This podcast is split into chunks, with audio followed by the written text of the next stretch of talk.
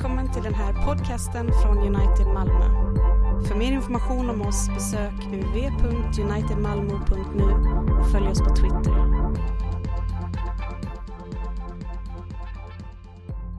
Låt oss förbli stående inför Guds heliga ord. Dagens predikotext kommer från första Petrusbrevet kapitel 2, vers 11 till 17.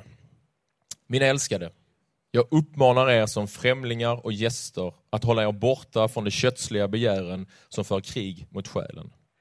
Uppför er väl bland hedningarna, så att de, när de anklagar er som förbrytare, ser alla goda gärningar ni gör och prisar Gud den dag han uppsöker dem. Underordna er varje myndighet för Herrens skull. Det må gälla kejsaren som högste härskare, eller landshövdingarna som är utsända av honom för att straffa dem som gör det onda och hedra dem som gör det goda. Ty det är Guds vilja att ni genom att göra gott ska tysta munnen på oförståndiga och okunniga människor. Ni är fria, men använd inte friheten som täckmantel för att göra det onda, utan för att tjäna Gud. Visa aktning för alla, älska bröderna, frukta Gud och vörda kejsaren. Detta är Guds ord till oss.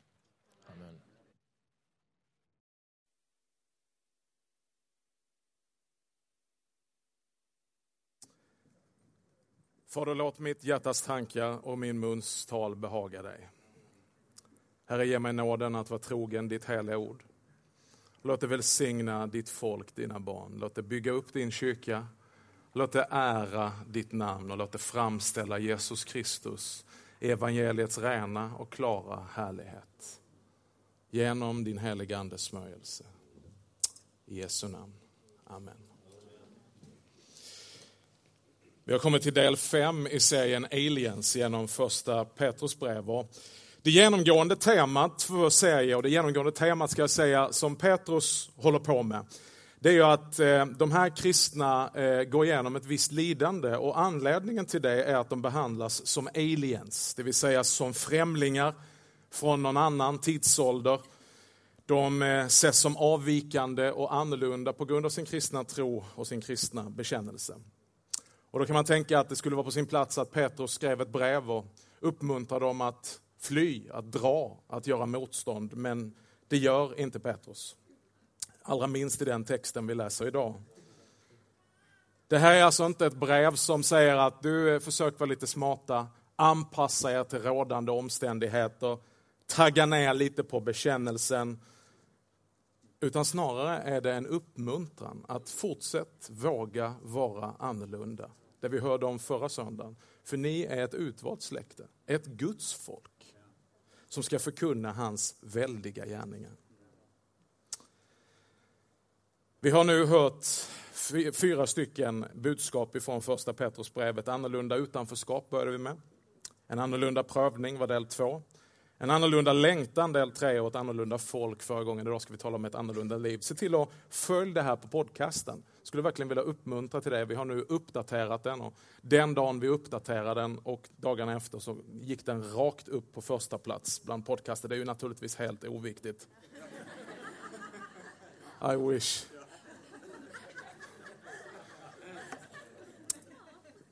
Vid första anblick av dagens text så måste jag erkänna att jag säger, var ska jag hitta evangelium i den här texten? Och när man tittar på den här texten bara så här liksom spontant och du kanske såg den fladdra förbi på, på, på, på, eh, på skärmarna så känns den krävande och den kan kännas det vi kallar för lagisk. Men tvärtom när du tränger in i texten. När vi förstår vad den här texten handlar om så målar den upp en bild av det livet som faktiskt var och en av oss har en längtan efter att leva. Det kanske inte är lätt, det kanske inte kommer sig naturligt, men det slår an en ton i allas våras hjärtan när vi ser det här och säger, det är ingen av oss som vill leva i uppror mot staten eller samhället eller varandra. Det är ingen av oss som har liksom en, en, en längtan och känns bra när jag är ett asshole. Ursäkta kraftuttrycket. Utan alla känner igen det där att, ja, kan det vara så? Kan mitt liv bli så där?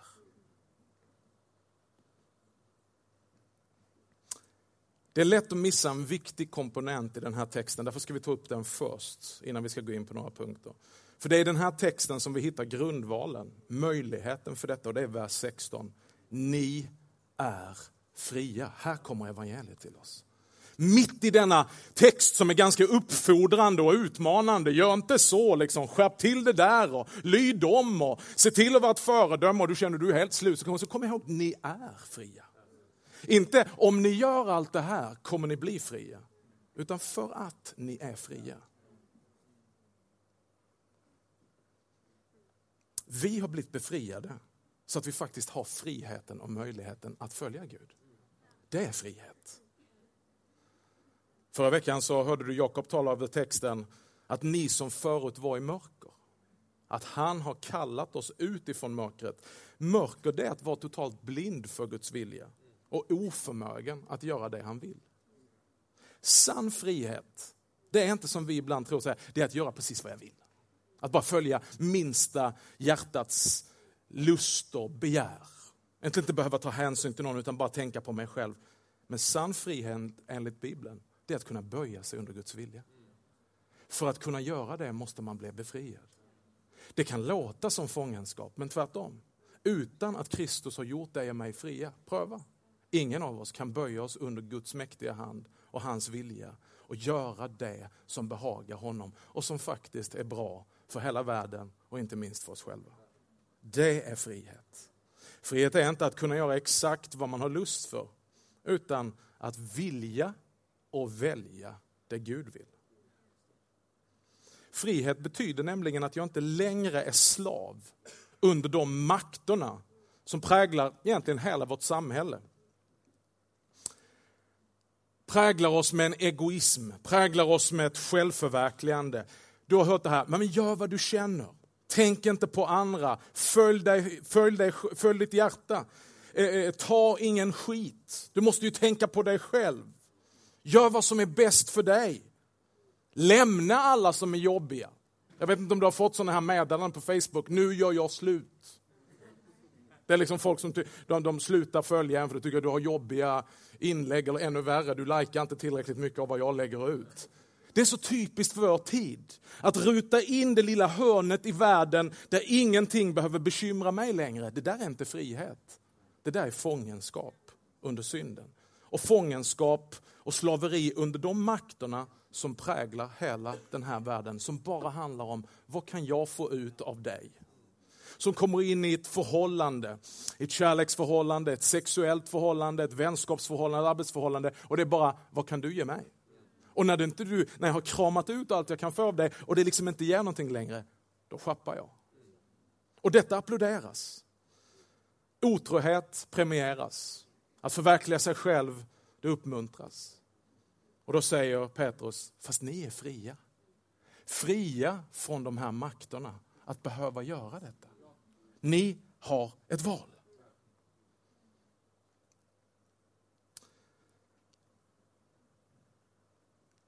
Förutsättningen för ett annorlunda liv, det är just den frihet som bara kommer genom frälsningen i Jesus Kristus. Genom hans död och genom hans uppståndelse. Genom att han sätter oss fria från syndens makt och syndens skuld. Det kan bara ske i Kristus. Och där händer någonting nytt. Där öppnas en möjlighet till ett nytt liv. Och hur ser då det nya livet ut? Där vi lever i den här friheten, men låt inte friheten bli en tackmantel för oss att göra det onda.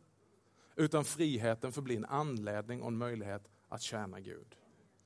Tänk nu på att Petrus han skriver rakt in i en situation där de kristna lider förföljelse, blir marginaliserade, exkluderade på grund av sin kristna tro.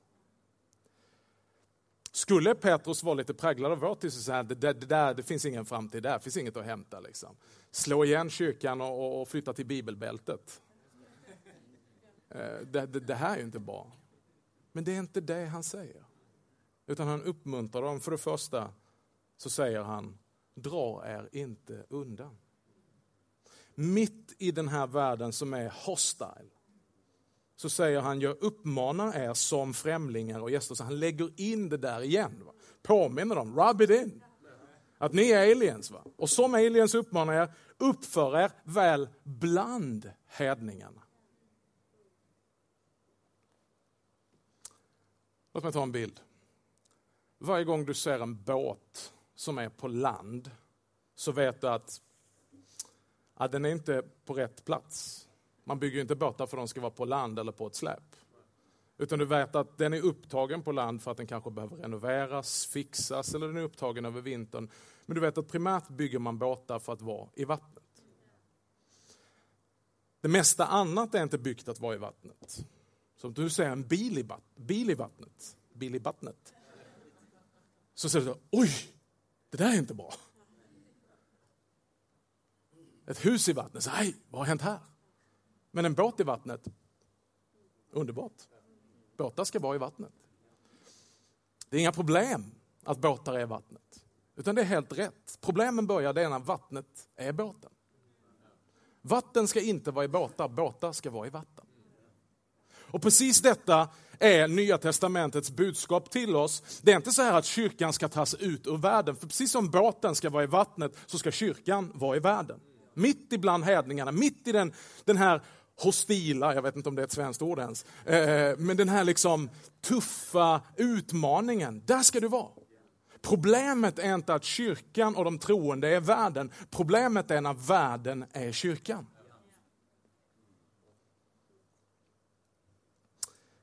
Dra er inte undan utan uppföra väl bland hedningarna. Det är där utmaningen finns. Och det är där utmaningen finns för oss som United, som församlingsplanteringar, som kristna troende på våra arbetsplatser, på våra studieplatser, i, vår, i vårt grannskap. Att leva som kristen och som kyrka i den här tiden handlar om trofast närvaro på lång sikt. Det vill säga att ta till sig där Gud har placerat mig, där jag bor, där jag lever, där jag jobbar. Där ska jag trofast närvara. Inte dra mig undan, inte fly till någonting ställe, inte drivas av den här makten att jag kanske skulle kunna få det bättre någon annanstans. För vet, det finns en otrolig rastlöshet i vår tid, där vi hela tiden jagar paradiset på jorden. När ska vi förstå att det paradiset finns inte här på jorden?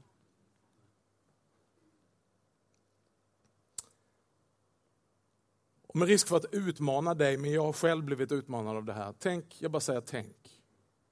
Tänk om kristna skulle vara kända för att när ett bostadsområde går lite neråt, när kriminaliteten tillhar, tilltar, när genomsnittsbetygen i det skoldistriktet går neråt och alla flyr. Och det blir liksom, även i Sverige, lite ghetto-feeling och det, det, det liksom visar någon form av uppåtrörelse i samhället och karriär, att man kan flytta därifrån. Tänk om det är kristendom att stanna kvar. Att inte dra sig undan, utan trofast vara närvarande.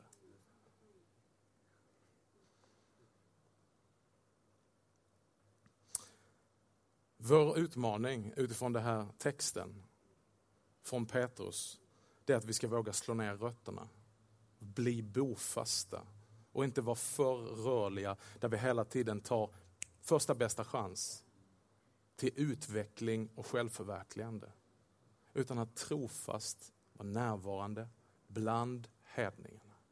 I den stadsdelen. Med de problemen och de människorna som du lever med. De flesta av oss, de, vi tänker ju så här, om jag bara var någon annan, om jag bara var någon annanstans, med någon annan och gjorde något annat, då skulle livet vara helt fantastiskt. Mindre eller mer präglar det våra liv. Jag är trött på mig själv, skulle vilja vara någon annan. Jag är trött på dem som jag delar livet med, jag skulle vilja dela det med någon annan. Jag är trött på där jag bor och jag är helt övertygad att om jag skulle bara flytta så skulle allting bli bättre. Och skulle jag dessutom få möjligheten att syssla med någonting annat så skulle alla fatta vilket enorm potential det bor här inne i denna syndiga kropp. Det är lögn. Det är lögn alltid. Utan det handlar om att Guds ord till dig, det är inte dra dig undan, fly dysfunktionen. Utan det är var ett ljus i mörkret och var ett salt i förruttnelsen. Och naturligtvis inte ensam, för ensam är inte stark. Du är ingen superhjälte, utan som ett kollektiv har Gud satt sin församling att vara trofast närvarande, dag ut, dag in, år efter år, decennium efter decennium och se till att inte bli påverkade av stadsdelen, utan att påverka stadsdelen. Att göra goda gärningar bland hedningarna. Så här säger Gud, för att när vi hör det här med främlingar, pilgrimer, att vara ett folk som är i exil, så är det omöjligt att inte gå tillbaka till gamla testamentet och förstå att Petrus använder några termer därifrån. Israels folk, Guds folk, fick många gånger uppleva detta och leva i denna hostila miljö som jag nu har gjort till ett svenskt ord. Så här säger Gud till dem när de är i Babylon. Jeremia 29. Så säger Herren Sebot, Israels Gud, till alla de fångar som jag har låtit föra bort från Jerusalem till Babel. Bara där skulle man ju kunna stanna om man hade mer tid på sig. Bygg hus och bo i dem. Plantera, du, bara där, och, och bo i dem. Alltså, hallå! Du håller inte på med någon så här resande ministry, där du liksom jämt på väg någonstans. Bygg hus, inte för att sälja dem, bo i dem. Flytta in. Plantera trädgårdar. Alltså det är långtidsprojekt det här. Ät deras frukt. Ta er hustru, föd söner och döttrar.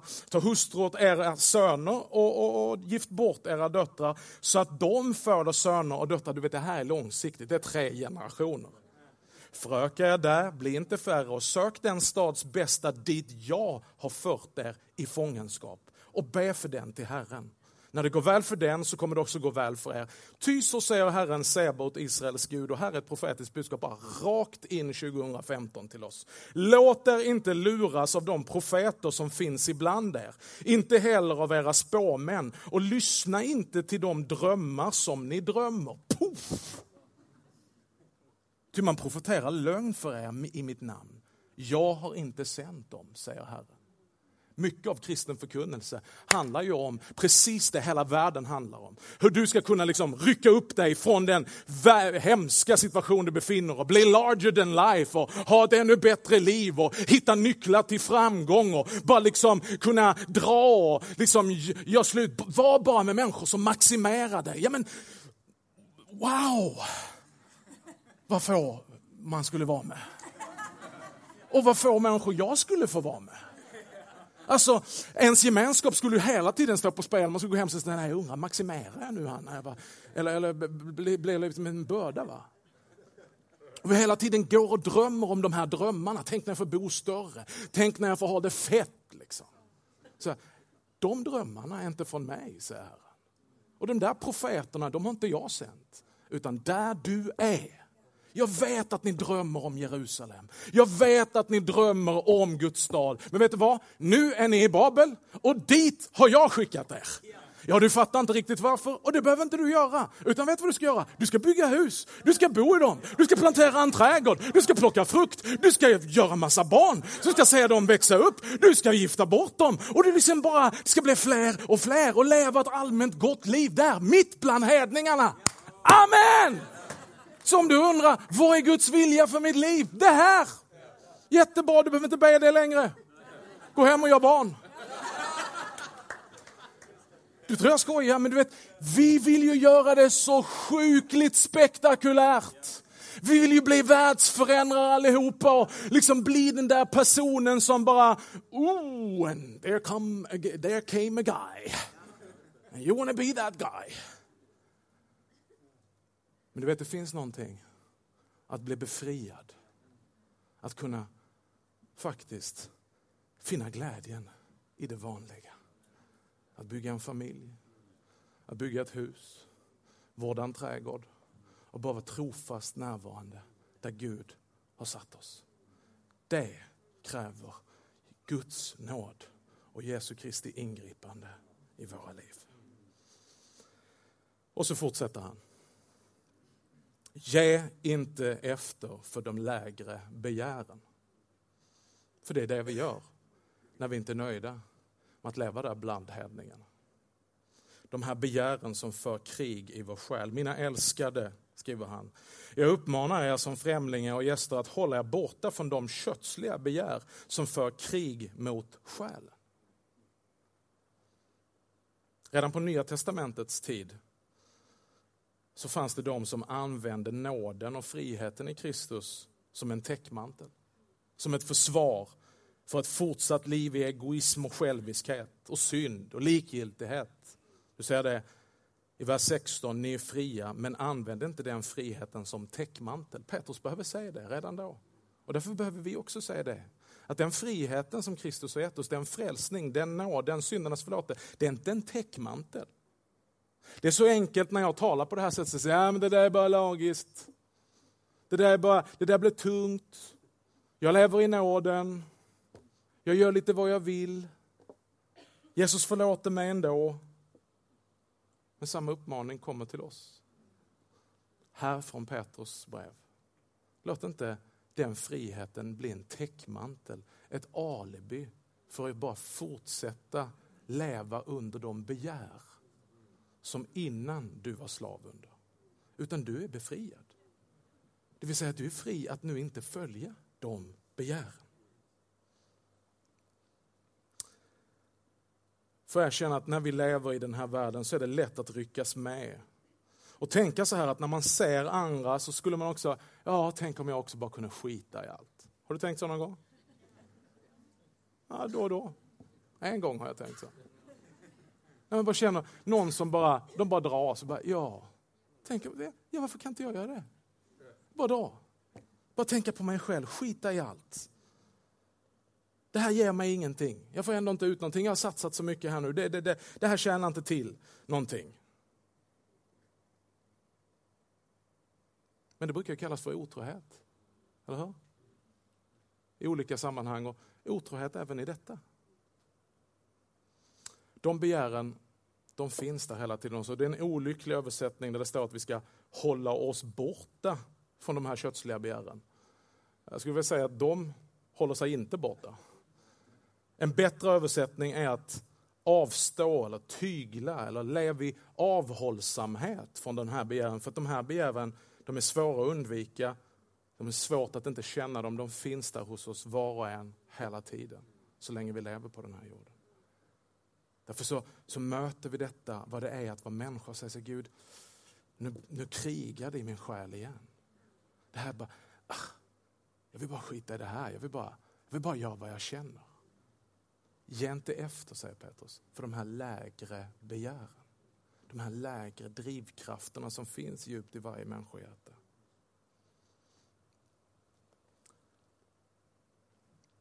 Vi kan göra två saker. Antingen kan vi försöka rättfärdiggöra de här begären. Försöka försvara dem och skriva om dem och liksom tala om att det här är någonting fint och någonting viktigt. Det är viktigt att vara ärlig mot sig själv och du kan inte hålla på och gå och förställa dig. Vill du det här så är det där du vill. Och så har vi försökt rättfärdiggöra det som i grunden är orättfärdigt. Eller så kan vi erkänna och ropa till Gud om nåd och räddning. Och säga Kristus, utan dig och utan ditt verk i mig så är jag slav under de här begären. Om inte du gör ett ingrepp i mitt liv så kommer de här begären att dra iväg med mig förr eller senare. Gud fräls mig från mig själv. Rädda mig, befria mig och förvandla mig. Så att inte jag jämt lever som slav under dessa begär. För det är då vi inte kommer till att stanna kvar i trofast närvaro och vara trogna dag efter dag där Gud har ställt oss, med dem Gud har ställt oss med. Utan vi kommer till att nära de här drömmarna som vi inte skulle drömma, som Gud profeterar. De här begären kommer till att växa inom oss och säga, ah, men jag ska göra det och sen ska vi dra dit och, ah, men fatta det här ska man inte finna sig i utan vi ska göra det här. Och då kommer de till att ta makten. Men hela det här handlar om att i Kristus har du blivit frigjord. Att inte leva som slav längre under dessa begär. Därför min vän, så jag ska vara helt ärlig med dig. Jag är en sån som använder Guds nåd som täckmantel. Jag är en sån som Hela tiden när jag vet att det här utmanar mig lite, så försöker jag gömma mig bakom Guds nåd. Jag får liksom försöka kalla det, ja men det där är bara lagiskt. Ja, men jag är inte frälst på grund av mina gärningar. Nej, men du är frälst till goda gärningar. Vi är Guds eget folk. Vi som förut inte var ett folk. Det är egentligen bara att jag bekänner att jag är inte fri. De här begären är lite starkare i mitt liv än Jesus. Därför behöver jag gång på gång, varje söndag, numera varje torsdag också, komma till nattvarden. Och vet vad jag gör? Jag bär fram mig själv. Jag kommer. Som en tiggare kommer jag. Och säger Gud, ge mig nåd. Jag behöver ditt liv, för jag är full av saker. Som jag skulle släppa loss så skulle det bara bryta ut. Den här begäran skulle dra iväg med mig. Därför behöver jag lämna det till dig och istället i mina öppna händer ta emot ditt liv, din kropp, ditt blod och fyllas av din närvaro på ett konkret sätt. Du är välkommen att komma till Herrens bord idag. Istället säger Petrus att vi ska demonstrera det nya livet och bidra till samhället på alla sätt och vis. Det här är väldigt praktiskt. Vad ska man göra som en kristen människa? Det finns ju sådana konferenser. Va? Så liksom, lev det riktiga kristna livet. Då låter det som att man ska starta resebolag och, och liksom bara åka runt från land till land, tömma sjukhus, liksom, väcka upp döda och liksom bara flöda i alla möjliga spektakulära under och tecken. Det är det normala kristna. Här är det normala kristna livet. Petrus han visar det för församlingarna i mindre Asien, nuvarande Turkiet. Så säger han så här, underordna jag varje myndighet för Herrens skull. Visst känner du inspirationen nu? Känner du? Det här är Guds tilltal till dig. Jag menar inte att det är anti det där andra, men ibland så, så blev vi en helt orealistisk bild av det riktiga kristna livet. Jag skulle vilja ordna en konferens och säga, det här är det riktiga kristna livet. Enligt Petrus första brev, vilket harmonierar väldigt mycket med vad Paulus skriver i Romarbrevet 13 och Efesierbrevet. Underordna er varje myndighet för Herrens skull.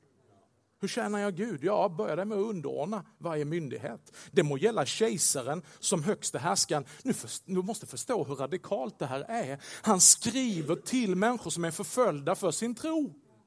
Människor som lider för att de är troende, som blir förtryckta på ett väldigt orättfärdigt sätt. Vad är hans tröst? Underordna er de som förtrycker er. De som marginaliserar er. Det vill säga, det är inte läge att starta något demonstrationståg. Det är inte det som är Petrus an, eh, liksom ärende i det här brevet. Samla inte ihop och kör en stor protest på Stortorget. Det, det, det, det står inte här. Utan underordna er varje myndighet för Herrens skull.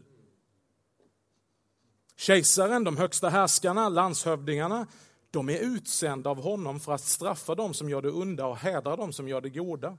Det är Guds vilja att ni genom att göra gott ska tysta munnen på oförståndiga och okunniga människor visa aktning för alla, älska bröderna, frukta Gud, vörda kejsaren. Det talar ganska tydligt för sig själv. Men det här är uppfyllelsen när vi säger låt ditt rike komma. Låt din vilja ske på jorden så som i himlen. Och vi läste här, detta är Guds vilja. Att demonstrera det nya livet så här. Och då känner du, hur är detta möjligt? Precis därför behöver vi Gud i våra liv. Gud, du behöver sätta mig fri. Du behöver styrka mig. Jag behöver gudstjänsten. Jag behöver den helige Andes kraft för att leva på detta sättet. Men det uttrycker också en icke-svettig kristendom. Det uttrycker en kristendom som inte behöver oroa sig, kontrollera, fixa, tänka, vårt öde, visar Paulus, äh, Petrus, det vilar i Guds hand.